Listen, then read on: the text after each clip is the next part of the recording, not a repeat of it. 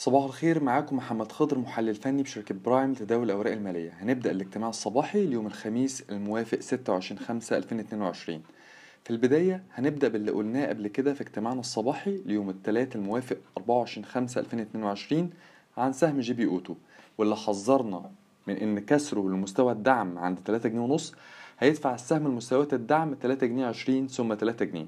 وشفنا جلسة امبارح إن السهم حقق مستهدفه الهابط عند 3 جنيه. أما بالنسبة لتحليلنا لجلسة امبارح 25 5 2022 فهنقسمها لجزئين. الأول هنقول إيه هي الاستراتيجية الأمثل للتعامل مع مؤشر EGX 30 ثانيا هنوضح نقاط مهمة لسهمين هما حديد عز وابن سينا فارما. بالنسبة للنقطة الأولى أو الجزء الأول من اجتماعنا الصباحي إحنا شايفين إن الأفضل للمتداول قصير ومتوسط الأجل إنه يركز على مستويات دعم مكونات المؤشر. ويتجاهل تماما مستويات دعم المؤشر أو مستهدفاته السلبية في حالة كسر المستوى ال 10000 نقطة.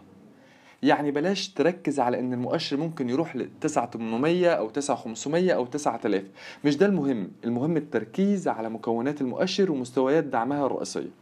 وده يرجع إلى إن بعض مكونات المؤشر وعلى سبيل المثال سهم بالم هيلز واللي بيتحرك حوالين مستوى الجنيه 20 لا يعبر بالمرة عن مستوى مؤشر 10000 نقطة.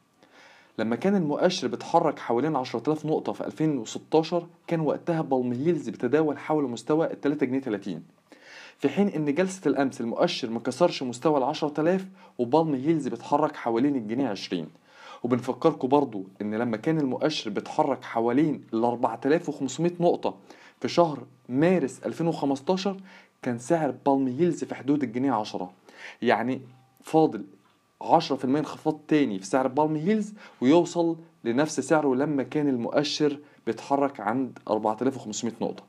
ده غير إن سهم زي ابن سينا وفوري ودول إحدى مكونات المؤشر بيتحركوا قرب أدنى مستويات تاريخية ليهم. فالملخص إن هناك تباين كبير في أداء مكونات المؤشر وإن المؤشر قد لا يعبر بشكل صحيح عن أداء مكوناته. بالنسبة للجزء الثاني والأخير من اجتماعنا الصباحي فمهم إن حديد عز يتماسك على دعمه عند ال 12 جنيه لأن ده هيخليه محافظ على اتجاهه العرضي. أما إذا كسروا فده هيدفع السهم لمنطقة الدعم 9 جنيه 8 جنيه. السهم الثاني هو ابن سينا واللي انخفض بنسبة تجاوزت ال 80% من قمة سعره عند ال 10 جنيه وربع ودي القمة اللي وصل لها السهم في شهر مارس 2019 يعني السهم نزل 80% من شهر مارس 2019 لحد وقتنا الحالي. فده بيخلي مخاطر البيع عند مستويات الأسعار الحالية عند مستوى ال 2 جنيه مخاطر بيع مرتفعة. حتى لو استمرت موجة الانخفاض في سهم ابن سينا لمستويات الدعم عند جنيه 80 أو جنيه 50 طيب إيه السبب ورا ده؟ السبب الفني ورا ده إن آخر موجة انخفاض للسهم بدأت من مستوى ال 4 جنيه. دي آخر موجة نزول بس للسهم بدأت من مستوى ال 4 جنيه بنسبة انخفاض متتالي 50% بدون موجة ارتداد حقيقية. ده هيخلي مخاطر البيع مرتفعة عند مستويات الأسعار الحالية للمتداول قصير ومتوسط الأجل شكرا.